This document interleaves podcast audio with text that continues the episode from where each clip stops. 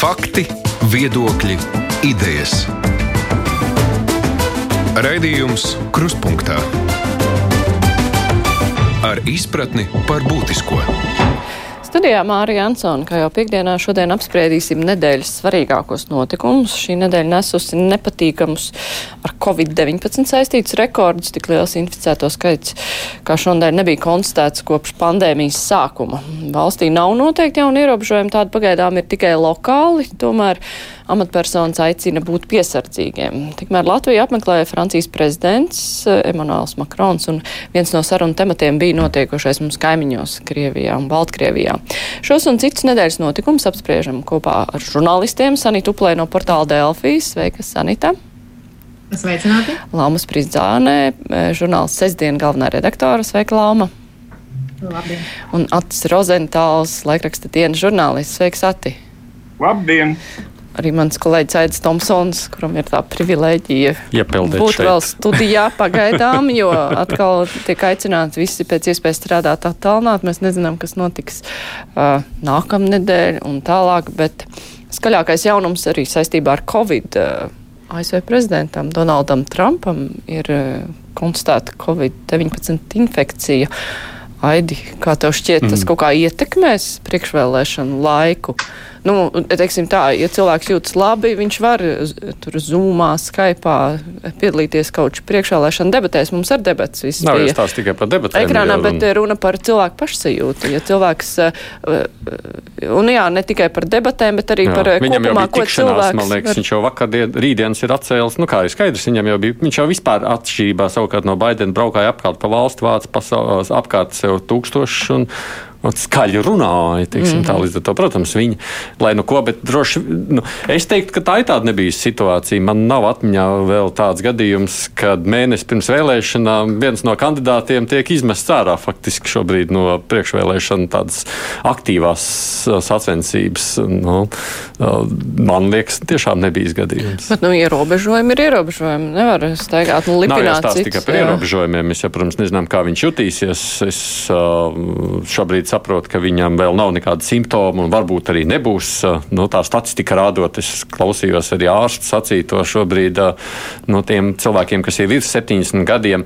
Uh, trijiem no četriem ir vieglā forma, un vienam no četriem nonāks, nonāks slimnīcā. Tāda pašreizējā tā statistika. Nu, vai viņš būs to 75% vai 25% robežās, to jau mēs arī nezinām šajā brīdī. Tā aina var pasliktināties, jebkurā dienā var arī nepasliktināties. Un, protams, ja pasliktinās, tad jau tas ir krietni citādāk. Mm, Kā pārējiem šķiet, Lama, kā tev šķiet, eh, ko tas var ietekmēt, tas, ka viņam te ir konstatēts koronavīrus?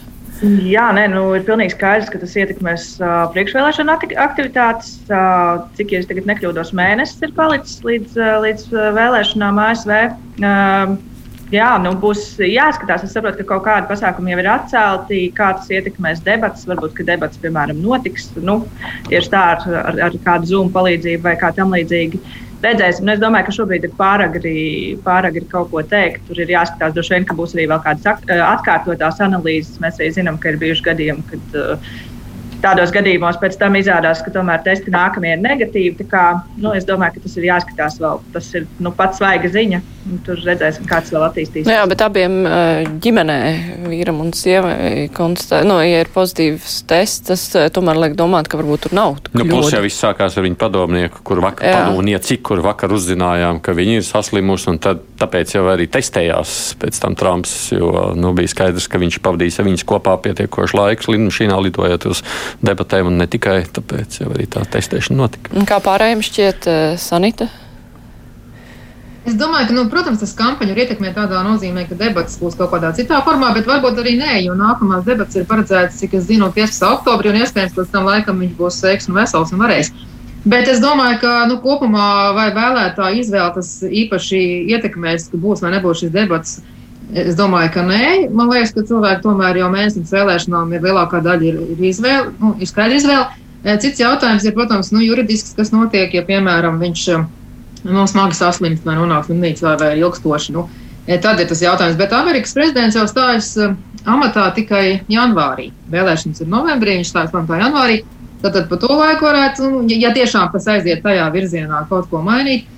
Plus, nu, Amerikā ir arī viceprezidents. Kopā ar prezidentu tika vēlēts. Tā kā, nu, ar to es gribu pateikt, ka Pat ja tas ir lielākās, ne, bet nu, ietekmīgākās pasaules valsts prezidents, kurš ir kodola pogas turētājs un tam līdzīgi, kā saka, visi ir cilvēki, neviens nav dieva vietnieks zemes virsū, un, un visas situācijas ir atrisināmas.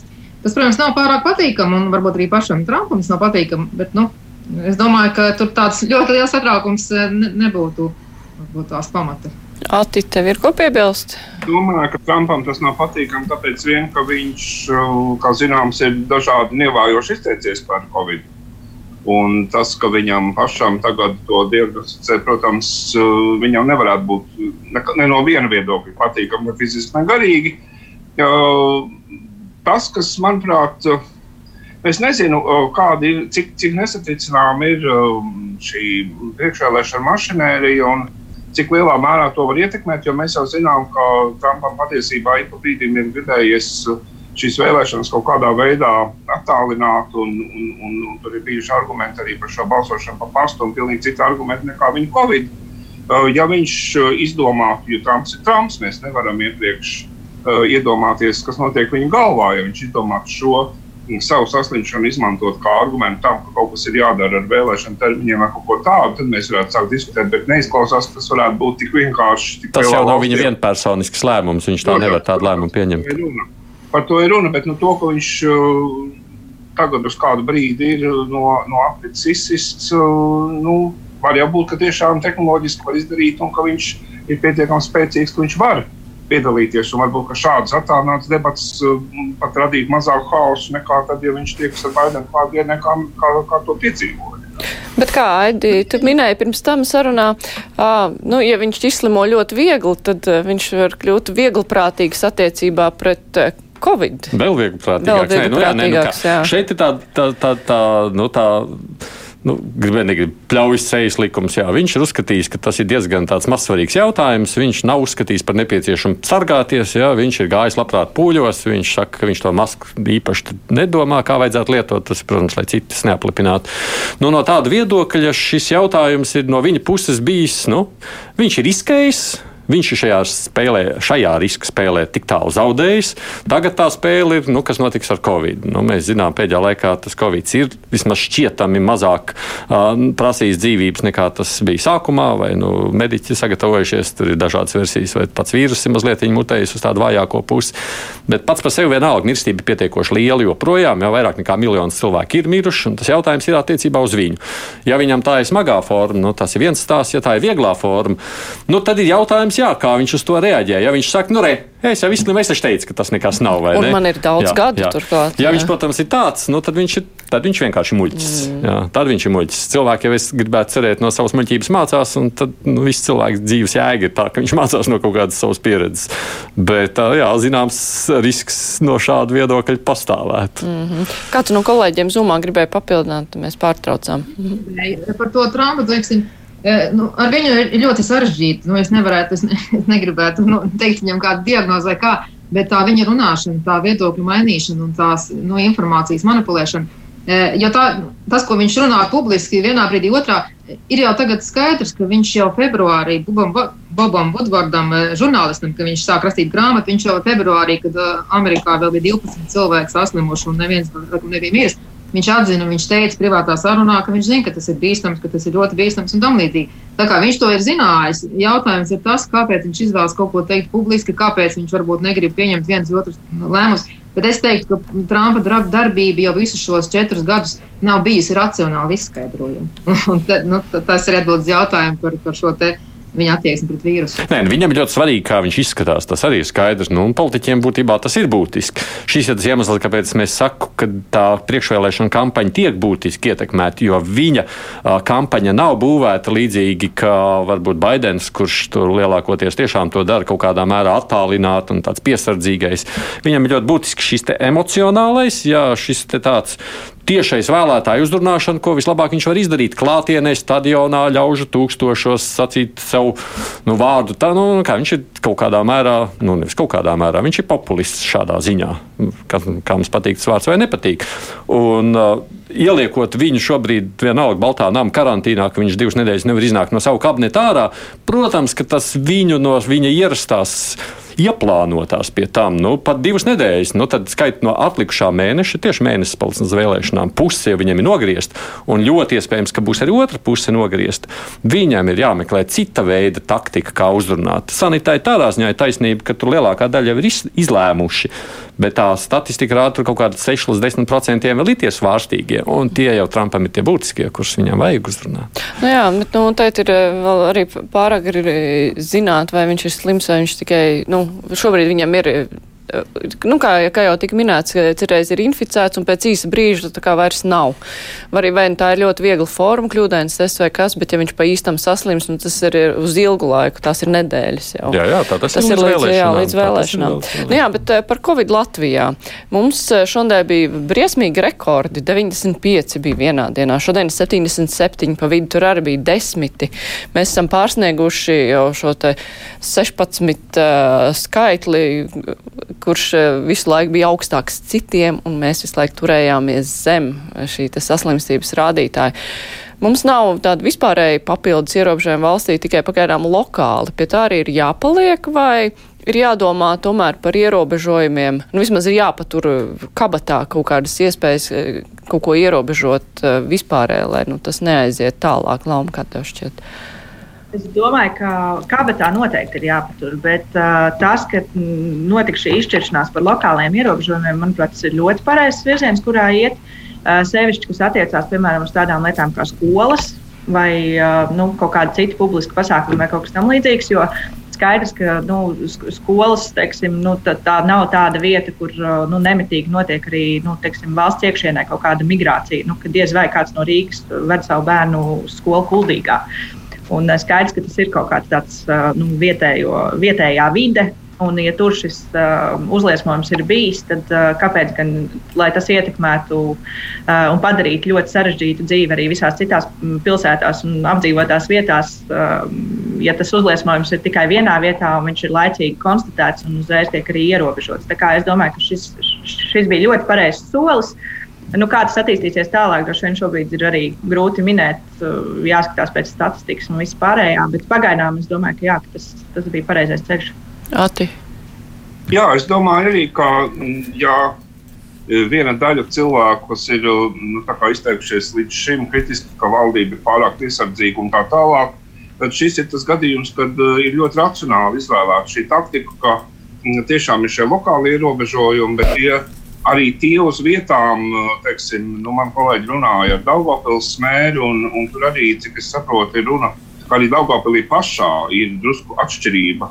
Uh, tur, kur ir tas perēklis, un tur, kur šī perēkļa nav, arī nav tā, ka visu Daugopilu aizklāja ar, ar dzelzceļa svāku un nevienam neļauj kustēties. Uh, šajā konkrētajā situācijā tiešām ir svarīgi turēt līdz pēdējām visu aktivitāti saprāta robežās. Eh, tad ir jautājums par to, kāda veida ierobežojumi varētu būt, ja šis mm, eh, vīrus atkal izplatās visā teritorijā. Es personīgi esmu diezgan eh, skeptiski noskaņots pret uh, maskām, kuras uh, premjeram Kariņam ļoti patīk, un kurš vienmēr uzreiz saka, ka maskas tūlīt teikt, būs atkal jāvalkā.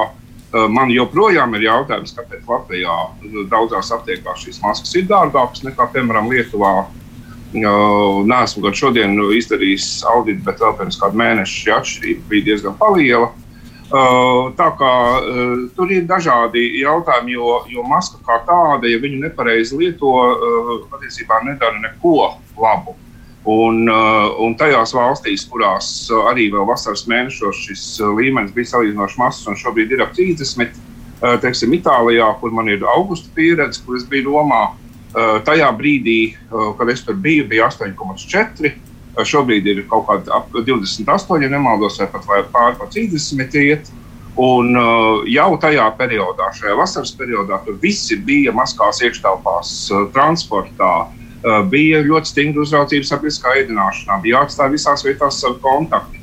Un šis līmenis tik un tā kāpa. Tā kā maska viena pati nedod neko, tur ir jāskatās tiešām kompleksi kāda veida ierobežojumi tie būs. Bet galvenais ir tiešām cilvēkam jādod atpakaļ drusku šī iekšējā piesardzība, no kuras mēs esam ļoti jau tādi izvilkājušies laukā. Mēs uh, ejam iekšā veikalos, vairs neviens uz, uh, tām um, uh, dezinfekcijas līdzekļu pudelēm īpaši neskatās. Viss notiek, viss, viss ir dinamiski iet, neviens nekādas atstātas neievēro. Tā ir tā lieta, kas, ko acīm redzot, ir jāsāk. Ir jāsāk sevi atkal piedzināt pie tā, ka drusku, kā teikt, mēs viens otram negrožamies virsū.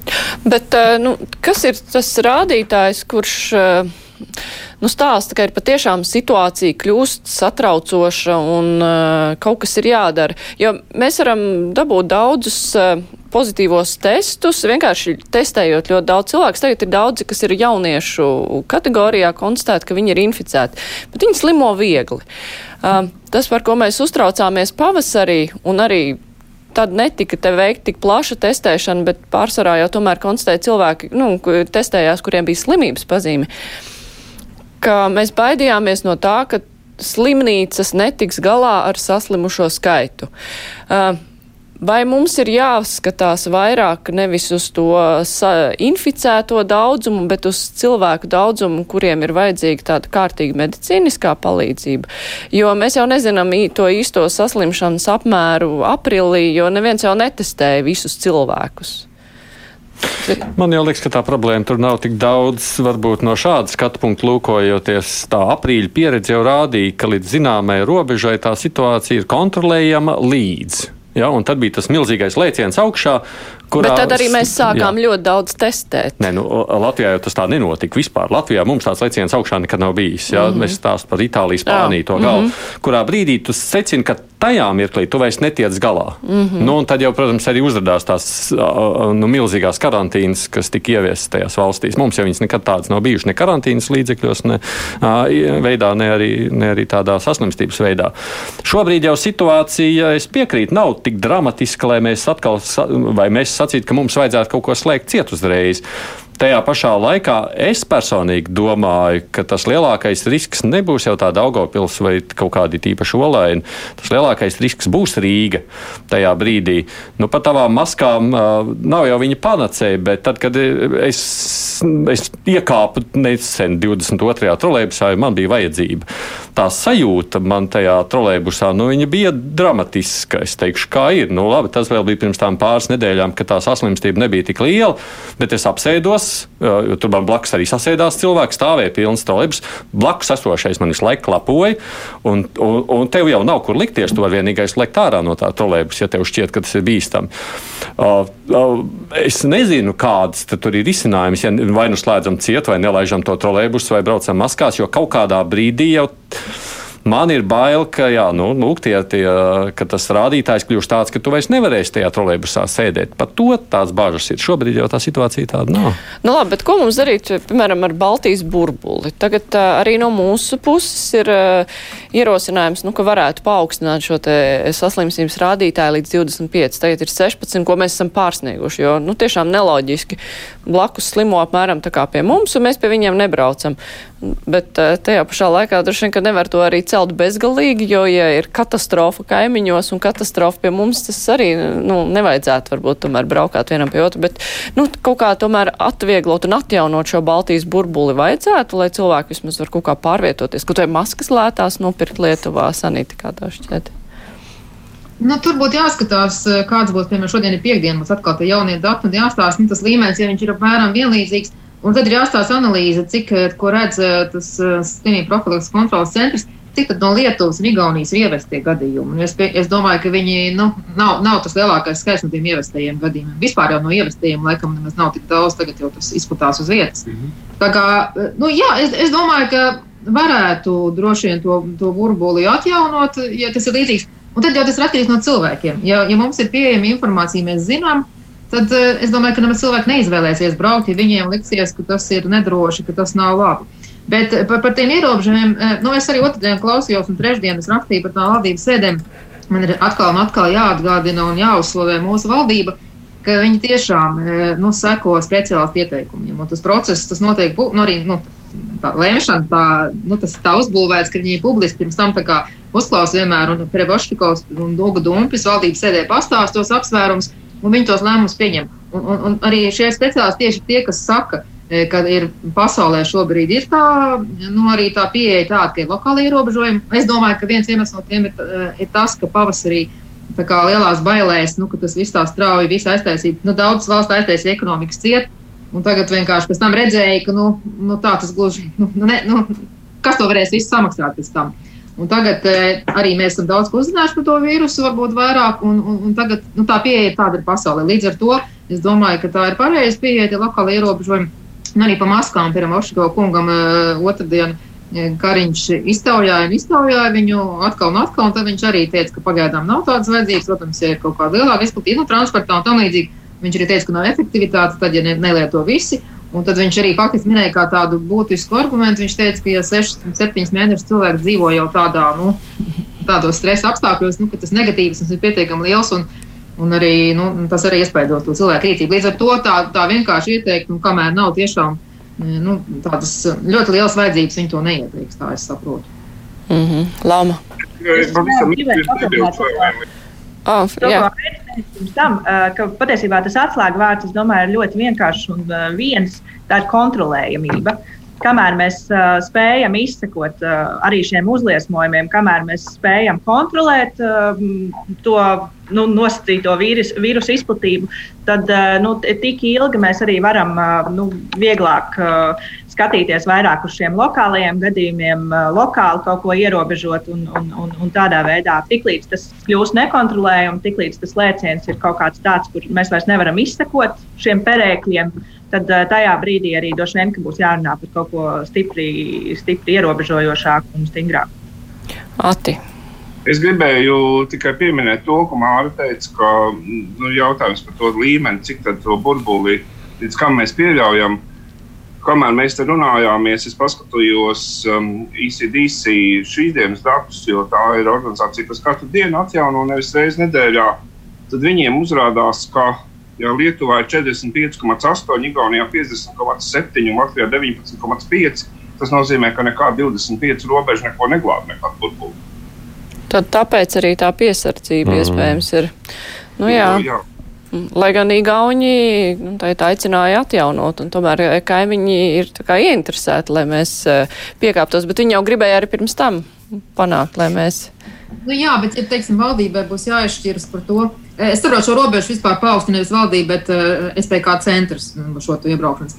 Bet, ja valdībai būs jāizšķiras par to, teiksim, nu, vai mēs tomēr varam braukt turismā un Igauni braukt pie mums, vai tomēr mums jāskatās to, lai skolas paliek vaļā, lai, kas nozīmē, ka vecākiem nav problēmas ar bērniem, ja nu, mājās viņi tam līdzīgi. Tā, tā, nu, tā ķēdes reakcija, kas ietekmē ekonomiku nu, tad es teiktu, es teiktu, ka tomēr labāk mēs turam cietās robežas, bet vismaz mums šeit uz vietas viss notiek. Nu jā, tas ir tas arī, ko teica Ilza Viņķela vakar eh, Latvijas radio, ka ir nu, iespējams arī citur, uh, bet es radio dzirdēju, ka ļoti svarīgi ir līdz, nu, cik tik ilgi vien var noturēt vaļā skolas, jo tāpēc, uh, ka tas uzreiz ietekmē vecāku iespējas iet uz darbu, un tāpēc tas ir, nu, tas tā pēdējais, pie kā ķerties. Es bet, domāju, protams, skolām ka... jau būs tā, ka skolas arī vērsies tik automātiski ciet tad, ja tā pieaugs nu, tā saslimstība būs tik Tieši liela. Tur. Šobrīd jau ir, jau, nu, jau, man liekas, es saprotu, tuvojās pie 30 skolām, kuras jau daļa no klasēm aiziet karantīnā un daļa jau sāk strādāt attālināt. Tas jautājums tad notiks automātiski. Es pat domāju, ka tur nevajadzēs baigi īpaši lēmumu pieņemt par skolām. Šobrīd jau tā situācija patiešām nav tāda, lai vēl lemtu par skolas lietu. Bet, šīs, nu jā, un, bet šīs skolas arī varās ciet uz kaut kādu laiku, nevis tā, ka aizvarās un tagad viss līdz pandēmijas beigām būs ciet nu, uz kaut kādu kādu brīdi, kamēr tajā klasē kāds no tiem ir inficētais vai saucamais tests pozitīvs. Tajā brīdī, ja tajā klasē pa brīdim kāds uzrādīsies, nu, tad divas nedēļas karantīna, klase ciet un pēc tam visi var atgriezties. Jā, jā, nu? jā, jā, ja vien, protams, tajā blakus klasē jau nākošais nav un aiznākušajā klasē atkal vēl kāds nav, kas arī ir iespējams. Nu, tas ir iespējams, bet nu, pagaidām šāds ātrums lemīgā kārtā nav konstatēts. Mm. Nu, labi, eh, runāsim arī par citiem tematiem. Es tikai atgādināšu, ka šodien kopā ar mums ir Laumas Pridzāne, sestdienas galvenā redakcija redaktore, Sanita Uplē, portāla Delfi žurnālists, Tats Rozentāls, laikraksta diena žurnālists un Aidis Tomsons, Latvijas radio kruspunktā vadītājs. Raidījums Krustpunktā. Mazliet vēl par maskām. Visi ievēroja, ka ieradās Francijas prezidents Emmanuels Macrons un Krišāns Kariņš, kā viņi ārā staigāja maskās, un tad viņi devās iekšā telpās, tur tās maskas novilka, kas bija pārsteidzoši. Bet uh, tas nav tas svarīgākais stāsts šīs vizītes sakarā. Uh, Francijas prezidenta vēstījums saistībā ar dialogu ar Krieviju. Viņš kā, uzsvēra, ka es šīs vizītes laikā esmu vairāk sapratis jūsu sāpi, kāpēc jūs tik ļoti uztraucaties par šo te austrumu kaimiņu, jums ir tāda vēsture, un tomēr ir nepieciešams dialogs ar Krieviju. Nu, kā saprast šo vēstījumu? Tas ir mums tā kā cerības viesošs vai tomēr nē, jo mēs no savas puses, protams, gribam tādus stingrāku attieksmi un arī kopīgu Eiropas Savienības stingru attieksmi pret Krieviju. Mēs nekad neesam sacījuši, ka mēs negribam dialogu. Par to jau nekad nav bijis runa. Es domāju, ka no tāda viedokļa diez vai turpat arī kāds premjerministrs vai kurš cits varētu iebilst un sacīt, nē, mēs ar viņiem runāt negribam. Runāt, ja mēs gribam. Tajā pašā laikā arī Francijas prezidenta vēstījums viss skaidrs, ka tai sarunai jābūt, bet tiešai jābūt skaidrai, reizēm stingrai, kas ir ļoti normāli. Man liekas, ka tas ir labāk. Man personīgi tas viņa vēstījums likās ļoti loģisks, saprotams un pieņemams. Es tur neredzu nekādu problēmu. Vai mums varētu atšķirties uh, uzskats par to, kas ir tieši un stingra saruna ar Krieviju, Lauma, kā tev šķiet? Tas noteikti varētu atšķirties. Jā. Nē, nu, es domāju, pirmkārt, jā, tas nebija nekas negaidīts. Um, tāds diezgan uh, loģiski un iepriekš jau tas arī izskanēja, ka visticamāk uh, kāds līdzīgs paziņojums varētu būt. Tas, ka tas notika tieši Baltijas valstīs, arī nav nekas pārsteidzošs, zinot mūsu vēsturi un zinot to, ka Baltijai tas vienmēr ir bijis uh, tāds jūtīgs jautājums, uh, un mums par to vienmēr ir bijusi ļoti skaidra pozīcija. Tas, kas vēl arī jāatcerās, ka tas, protams, ir jāskatās daudz plašākā kontekstā, gan attiecībās ar NATO, gan ar ASV, un kur ir visā tajā Eiropas Savienības Eiropas loma. Um, arī, protams, par um, līderiem Eiropā un to, ka Makrons um, grib būt um, galvenais Eiropas um, nu, pārstāvis, ja tā varētu teikt. Tas arī ir skaidrs. Kā, um, nu, jā, es varu piekrist, ka tas bija ļoti loģiski. Tas nebija nekas negaidīts. Um, kā tas tālāk attīstīsies, arī nu, redzēsim. Jā. Um, uh, Pagaidām tas tikai tādā paziņojuma līmenī, vai tur sekos kaut kādi konkrētāki soļi, vai, piemēram, atgriezīsies pie tiem pašiem uh, senajiem jautājumiem par Eiropas, um, Eiropas aizsardzības organizēšanu atsevišķi un uh, vēl visu, ko nu, jā, redzēsim.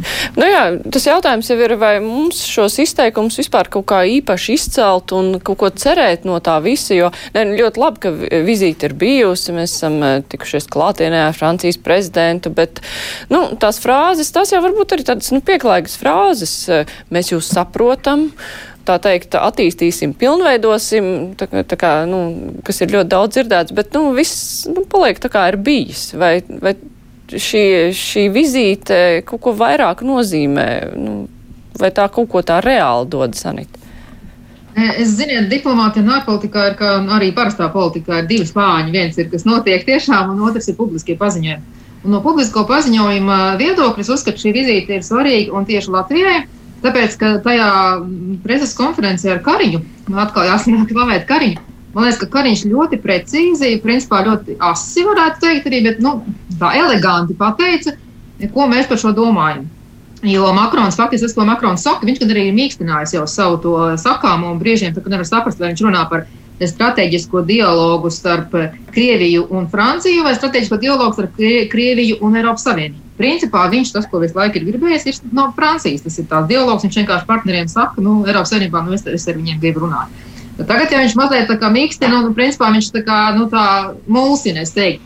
Bet eh, faktiski jau Krišāns Kariņš tā skaidri un gaiši pateica, un tas ir vēsturē palicis ierakstīts, ka, kad ar Krieviju vieni paši neko nevar panākt, tad Krievija ir jārunā Eiropas Savienībai. Tas nozīmē, ka viņi piekrīt, un mēs piekrītam Latviju, ka, protams, ka ar Krieviju ir jārunā, jāmēģina runāt.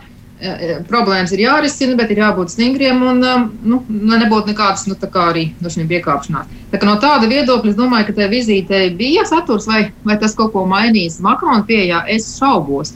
Bet ir svarīgi tas, ka šeit ir arī francijas žurnālisti un kaut kāda cita, ka tas vienkārši izskan arī tas mūsu viedoklis, ka mēs tomēr domājam, ka Eiropai ir jābūt vienotai. Mm. Nu, mums kā mazai valstī, protams, ir, tas ir svarīgi, lai Eiropas Savienība būtu vienota jo mēs eh, arī pat Baltijas valsts trīs kopā, pat kopā ar Poliju, mēs nevaram vieni paši pret Krieviju neko iesākt, un, un, un pie tās politikas arī ir jāturās. Mm -hmm. Ati, tev ir ko papildināt?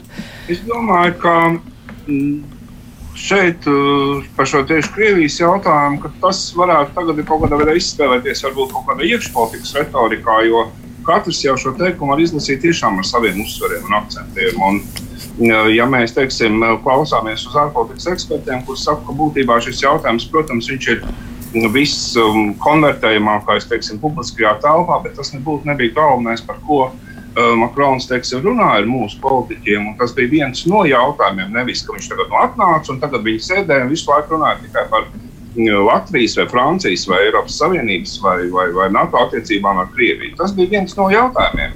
Bet, protams, ka tas tajā brīdī, kad viņš izskan, zinot visu, visu politisko situāciju un, un, un, un visus Baltkrievijas fonds un tā tālāk, Tas ir tas, uz ko mēs sāsinām uzmanību.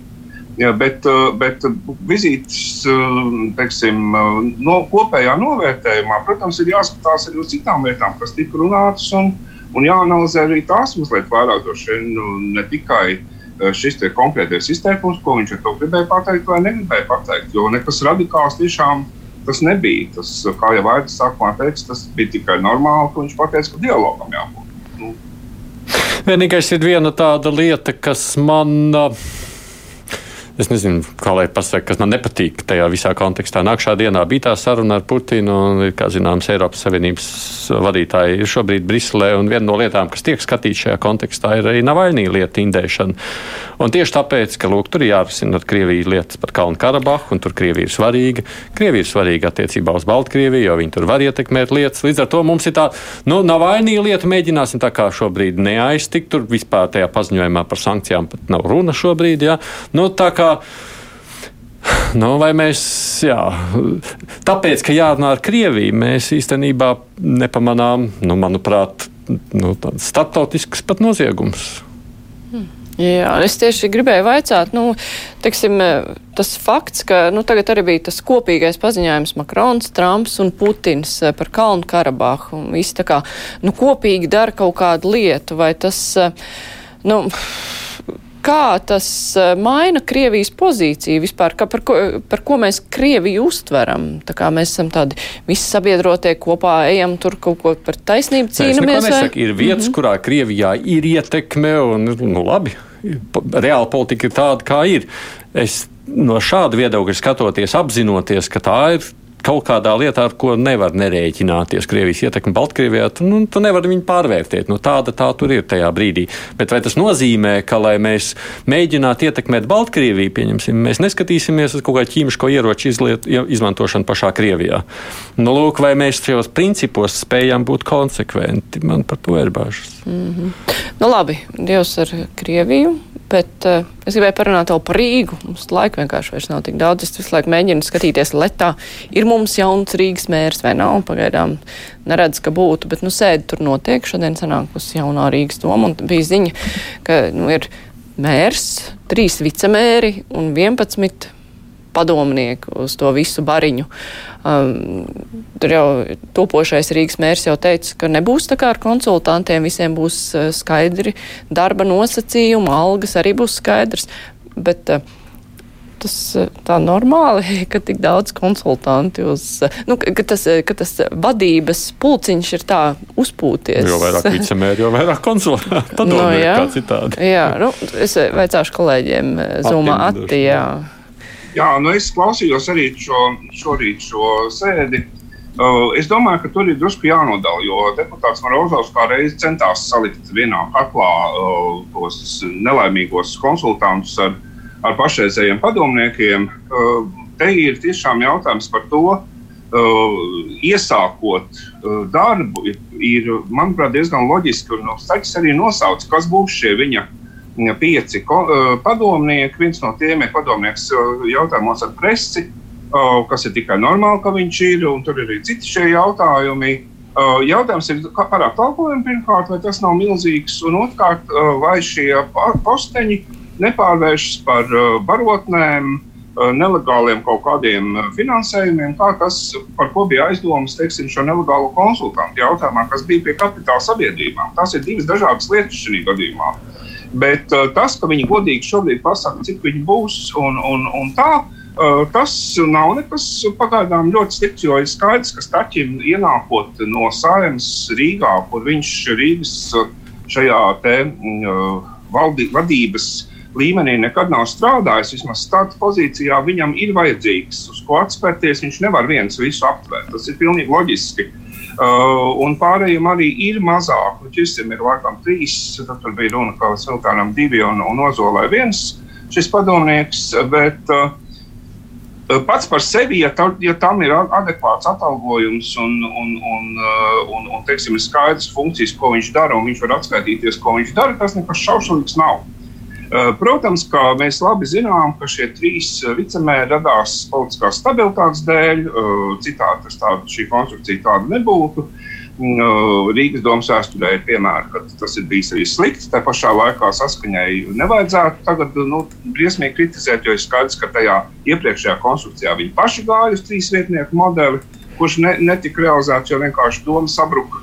Bet, bet vienkārši nu, stingri jāskatās, kas tur notiek. Cita lieta, par ko var diskutēt, gan, ka tika pateikts arī, ka komiteju vadītāju vietniekiem būs atalgojums lielāks nekā deputātiem. Uh, par to atkal var diskutēt, redzot, uh, cik saspringta ir Rīgas domas uh, budžeta sastādīšana. Stačs pateica, ka šogad tas nebūs, bet sākot ar nākamo gadu, tad arī komiteju vadītāju vietniekiem būs lielāks atalgojums nekā parastiem deputātiem. Jautājums par cik lielāks? Pārējie piekrīt konsultantu jautājumā. Sanita. Nu, jā, bet teiksim, tā nauda, nu, esoša, teiksim, tā kā līdz šim budžeta nauda daudz kur aizgāja, kur mēs pat nezinām Rīgas, teiksim, vai vispār tā nauda. Ja? Un, un cik liels summas iespējams, ka ja ir tikai 11 padomnieki un viņi ir un vēl tur tie vietnieku komisiju. Tas vadītāji. būs ekonomiskāk. Jā, iespējams, uh -huh. jā, ja tā ir nu, konkrēts atklāts summas. Un, Nē, es, man, man nav galīgi nekas iebilstams pret to, ka nu, cilvēkam nevajag iedomāties, ka mērs ir viens cilvēks, kurš visu var izdarīt. Un tieši, ja mēram ir specifiski sadarbība ar NVO vai apkaimēm un tam līdzīgi. Nu, tā skaitā par presi vispār nebūtu nekādu runu, ka tur nevajadzētu padomnieku. Ja? E, tas varētu būt tikai, ka tas e, tiešām palīdz darīt darbu, bet nu, galvenais ir, ka tas ir atklāti. Un e, jautājums ir, ko viņi izdara. To jau mēs novērtēsim. Tie paši komisiju vadītāji vietnieki arī, ja viņi tiešām dara tās lietas un risina, nevis tā kā varbūt līdz šim ir viens komisijas vadītājs, viņš ir tikai aizņemts, ne viņam klāt. Nu, var, varbūt arī tā, ka tas atpas tiešām atmaksājās. Tās summas, es teiktu, ka tur tomēr nav tik lielas arī. Nu, tajās pašvaldībās tās algas nav tik milzīgas. Mm, jā, vēl viena interesanta lieta, kas arī, ko pateica mm, jaunā koalīcija, ka tagad tiks veikta padziļināta auditi domas departamentos, kapitāla sabiedrībās un aģentūrās. Kapitāla sabiedrībās jau bija auditi, es nezinu, vai viņi taisīs vēl auditus. Protams, tur ir ļoti daudz, kas jāmaina. Arī departamentos noteikti kaut kādām pārmaiņām ir jābūt. Tajā pašā laikā, nu, ja tagad notiks tāda liela auditēšana, kā tas ietekmēs to domas ikdienas darbu, jo ir ļoti daudz lietas, kas ir aizkavējušās, ko šajā te pusstāvoklī, kamēr nebija ne lāgā vadība domas, pēc tam bija administrācija, neviens īsti nezināja, kāda būs tā nākotne. Nu, īsti arī lietas, nu, ir apstājušās. Neviens īsti nezina kaut kādas, nu, svarīgas lietas. Rīgas teritorijas plānojums vispār jau divus gadus jau sen vajadzēja būt grozījumiem, un tas viss stāv, un nav zināms, kad būs. Vai visas tās lietas tagad mazliet nesastings, kamēr būs visi auditi, pārmaiņas, jaunie cilvēki, vai tomēr ir cerība, ka nu, darbs ritēs uz priekšu, jo iekavēts ir ļoti daudz Rīgā lāma, kā tev šķiet? Klausījos kolēģos un mēģināju tā ātrumā izdomāt, kā lai tā korekti, korekti pasaka. Es laikam teiktu, ka jādod drusku laiks Uh, jo man jāatzīst, ka pagaidām līdz šim šis uh, viss uh, līdz šai apstiprināšanai un uh, līdz šim brīdim, kad uh, viņi oficiāli stāsies uh, amatos, nu, man ir atgādinājis tādu, mm, tādu bērnu patieso prieku par saņemtu paciņu. Uh, kur viņi ir attaisījuši un ieraudzījuši tās daudzās konfekts, kuras tagad varēs sadalīt savā starpā un ķērušies jau klāt un, un sadalījuši un sākuši ēst. Un tagad uh, nu, vienā brīdī sapratīs, ka bija jāmaksā par to paciņu arī muita un, uh, un saņemšana un viss pārējais.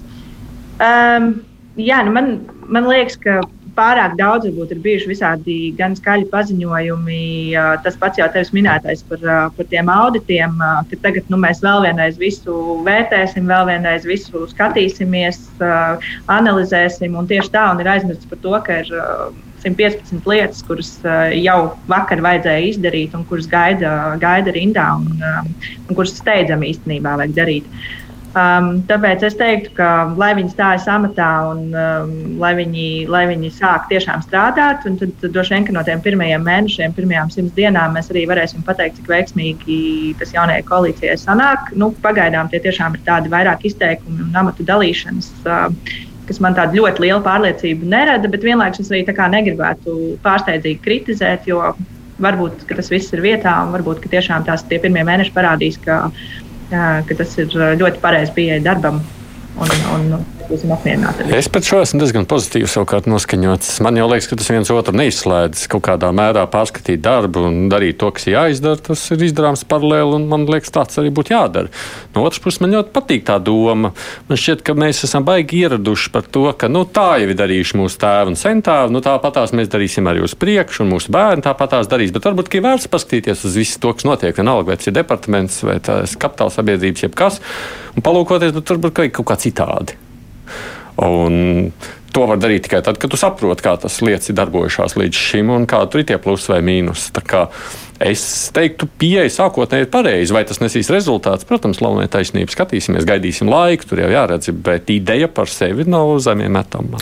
Bet cik ilgi var gaidīt, nu, kamēr visas iestādes sāks Rīgā, nu, tā tiešām pilnvērtīgi darboties? Jo kamēr iestāde ir, nu, tādā nezināmas, varbūt pat reorganizācijas procesā, parasti lietas apstājās. Bet Ko nos, nu, jo kas iestādē ir jādara? Nu, tajā brīdī jāplāno kaut kādas lietas, jāpieņem lēmums, jādomā, ko darīt tālāk. Nu, kāpēc viņām būtu jāapstājas tajā brīdī, kad tu nevari zināt, vai pēc gada nebūs tā? Tās iestādes gaida arī politiskus lēmumus no domas. Tu redzi, Latvijas radio šobrīd visu laiku ir jautājums par to, ik pa brīdņām parādās, nu vajag mums šajā radio mājā palikt vai nevajag.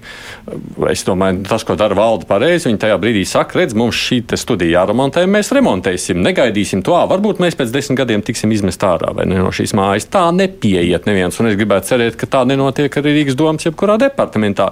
Viņi dara savu darbu, un tajā brīdī ir nepieciešams arī pastīties uz lietām no malas.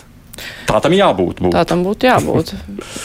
Ati, kā tev šķiet, vai. Domāju, ka pirmais audits, kas būtu jāveic, ir funkcionālais audits, īpaši domas struktūra vienībās, jo ik pa brīdim skan tādi izteikumi, kā ir ceļu satiksmes departamentā, ka tur reāli trūkst cilvēku.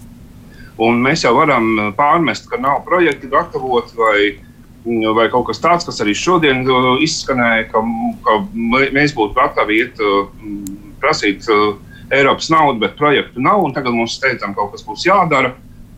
Bet, bet ir jau jāatrod, kurš to darīs un, un, un jāspēj apmaksāt šie cilvēki. Jo jautājums, kāpēc viņi ir gājuši prom? Uh, tā ir viena lieta, kas pilnīgi noteikti jādara. Otra, es domāju, ka Lauma teica par tām konfliktēm. Es domāju, ka jaunā koalīcija jau gatavodamies ir konstatējusi, ka tajā konfliktu tūtā ir, kā Harijam Poterā, ir tie izgājuši zirnīši, kur dažos ir arī ausu sērs iekšā. Viņi nav visas tās konflikts vienlīdz garšīgas, viņi ir sapratuši jau kaut kādas lietas, kuras, uh, kur ir steidzami kaut kas jārisina. Un varbūt, šis audits ir viens no veidiem, kādā sākt kaut ko steidzam risināt. Un uh, tas nenozīmē, ka viss moments apstāsies. Tā mm, nu, bet katrā ziņā tas, tas būs ļoti sarežģīti un neviennozīmīgi. Un, un jautājums, vai, vai viņi sāks ar to, ka viņi vienkārši metīs nost kaut kādus departamentu direktorus. Viņi teikuši, ka viņi to nedarīs tādā veidā. Bet, nu, kā atrast šo, šo veidu, kā, kā iedarbināt lietas, kas līdz šim nestrādā, uh, tas, protams, viņiem būs uh, jāsaprot ļoti, ļoti ātri. Jo uh, budžeta sastādīšana faktiski viņiem bija jau jāsāk aizvakar, un viņi jau arī drusku sākās.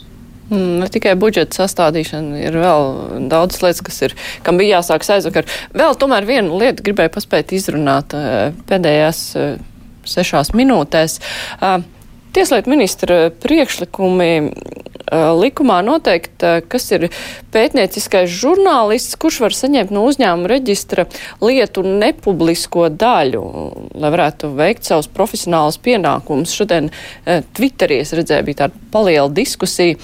Tur bija tāds nosacījums, ka nu, nesodītam šim žurnālistam jābūt, lai varētu spriest, nu, ka viņš ir tāds lojāls un uzticams un par kura pētniecisko darbību liecina augstskolas komunikācijas zinātnes programmas direktors.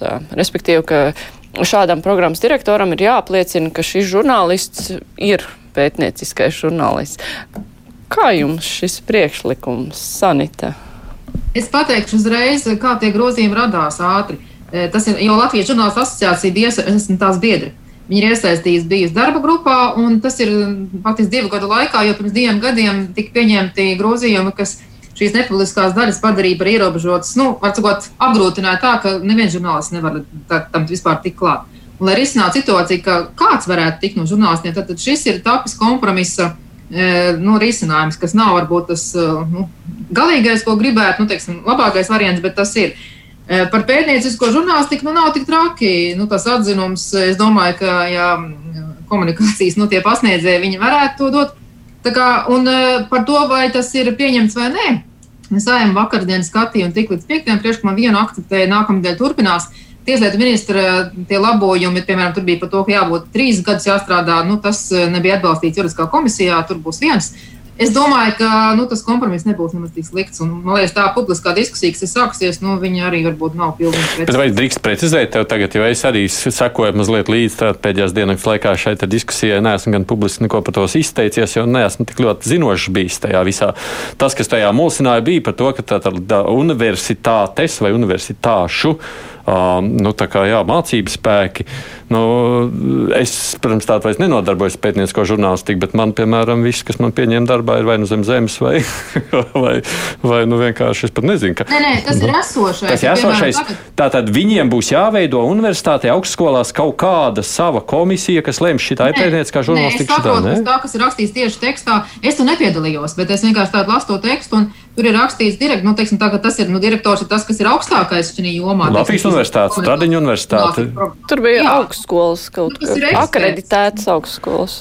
Jo mums jā, ir vairākas augstskolas. Jā, jā. Nu, lai ne, es neko, e, man nav tāda savu viedokļu šajā brīdī. Es saprotu, Bet, nu, ka tas, tas ir kompromiss variants. Ir svarīgi saprast, e, ka šie grozījumi, pat ja tiks pieņemti, viņi neko nepasliktinās tagadējā situācijā, nemainīs. Jo situācija jau tāpat ir slikta. Jā. Šobrīd vispār nevar piekļūt, vai ne? Jo šobrīd vispār tā tiešām nevar piekļūt. Kā pārējiem kolēģiem šķiet laba lieta, slikta lieta, nu, tas, ko uzlabojas labi, bet vai tur ir kaut kādi riski? Nu, pagaidām par to tiešām ir pārāk maz informācijas, un viss vēl ir procesā, lai varētu tā nu, skaidri pateikt. Uh, nu, šobrīd man ir ļoti daudz jautājumu par to, bet uh, mēs jau pirms raidījuma vēl mazliet uh, padiskutējām savā starpā arī. Un, uh, Nu, jā, šobrīd ir pārāk daudz jautājumu, lai, es, nu, lai varētu tā pilnvērtīgi komentēt. Es domāju, ka lai viņi nonāk līdz, līdz kaut kādam gala, gala tekstam un gala vienošanās, tad, tad, tad arī varēs, varēs saprast, ko īsti tas nozīmē un vai tas kaut kā ietekmē, piemēram, šobrīd šī brīža žurnālistu darbu. Vai tas ir uz labo pusi vai uz slikto? Nu, pagaidām, nu, kā jau Sanīta teica, uz labo pusi, jo situācija jau ir slikta, ka žurnālisti netiek klāt šai informācijai, par ko arī bija diezgan diezgan nu, liela tāda sašutums bija diezgan liels. Sanīt, tu gribēji papildināt. Es gribēju precizēt par to galīgo versiju. Nu, principā tur nav daudz iespēju vairs, jo tas ir trešais lasījums. Protams, tas nav pareizi, ka trešo lasījums var parādās šādi. Bet Tātad tur saimā ko vairs īsti nevar izmainīt. Viņi var lemt tikai no tiem priekšlikumiem, kas ir komisijas vai, vai ministra. Nu, tad, ja viņi pieņems, un viņi pieņems droši vien tos, tad mums ir vienkārši, jā, ja žurnālisti ir neapmierināti, ir jāvērš pie prezidenta un jāprasa, lai viņš atgriež atpakaļ, teiksim, un tad kaut ko pārstrādāt. Nu pārstrādāt, bet neatstāt tā kā ir, jo tas tā kā ir, tā nav laba situācija. Nē, nav. Mm -hmm. Ati, tev ir ko piebilst? Es domāju, ka mums ir jāsagaida tas gala variants, jo šobrīd jau diskusija ir nevis par to pārējo, bet tieši par vārdām priekšlikumiem. Bet, ja šos priekšlikumus neatbalsta, tad, tad diskusija būtu jāpārnes uz uh, to dokumentu kā tādu, nevis uz konkrētu vārdām viedokli, jo mēs jau zinām, ka vārdāns attiecībā pret presi ir vienmēr Uh, ieturējis tādu diezgan stingru līniju un, uh, un vienmēr sapratis, kā presa funkcionē. Un, un līdz ar to nav pārsteigums, ka viņa ierosinājumi varbūt ir salīdzinoši uh, stingrāk nekā citi to, to rosina, bet jāsagaida tas gala variants. Sanita atgādina, cik ilgi notika diskusijas par to, lai vismaz kaut kas tiktu mainīts. No tā, ko rakstīja kolēģi žurnāls asociācijā, es saprotu, ka vispār tur gandrīz vai divus gadus, laikam, nu, vai, nu, jau tur bija iebildumi gan saimnes juridiskā biroja un tam līdzīgi. Nu, tur ir dažādi. Nē, nu, tas, nu, tas tā, tā diskusija ir bijusi par to, ka, teiksim, tad, kad informācija ir noteikti ierobežota pieejamība, tad ir jautājums, ja grib tagad kādu pielaist, tad kā to pamatot. Jo jāsaprot arī tas, ka uzņēmuma reģistram jau arī, teiksim, ja viņi kaut kādu informāciju, un tur ir personu dati un tam līdzīgi, ja viņi kādam dod, viņiem ir jābūt arī kaut kādam tādam stingram pamatam, ko pēc tam pateikt, ka lūk, šīs bija sabiedrības intereses un tam līdzīgi. Nu, viņi nevar tā. Nu, Tur ir vajadzīga kaut kāda kriterija, var sakot, arī ja žurnālisti. Nu, ja reiz tā ir pasludināta par ierobežotas pieejamības informāciju, tad, ja viņai tiek klāta, tad ir jābūt kādiem kriterijiem. Jā, tāpēc, ka mums ir, piedod, tomēr daži cilvēki, kas saka, es esmu pētnieciskais žurnālists. Un mēs paši zinām, ko mēs domājam par šiem pētnieciskajiem žurnālistiem. Mm -hmm.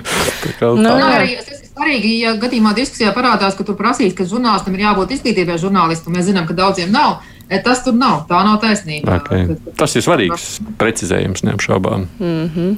nu jā, labi, es teikšu paldies uh, Sanītai Uplē no portāla Delfa Laumais Pridzānē, sestdienas galvenajai redaktoram, Attim Rozentālam, žurnāla, laikraksta diena žurnālistam. Raidījums izskan, raidījuma producente Evija Unāma, studijā bija Mārija Ansona un vislaba!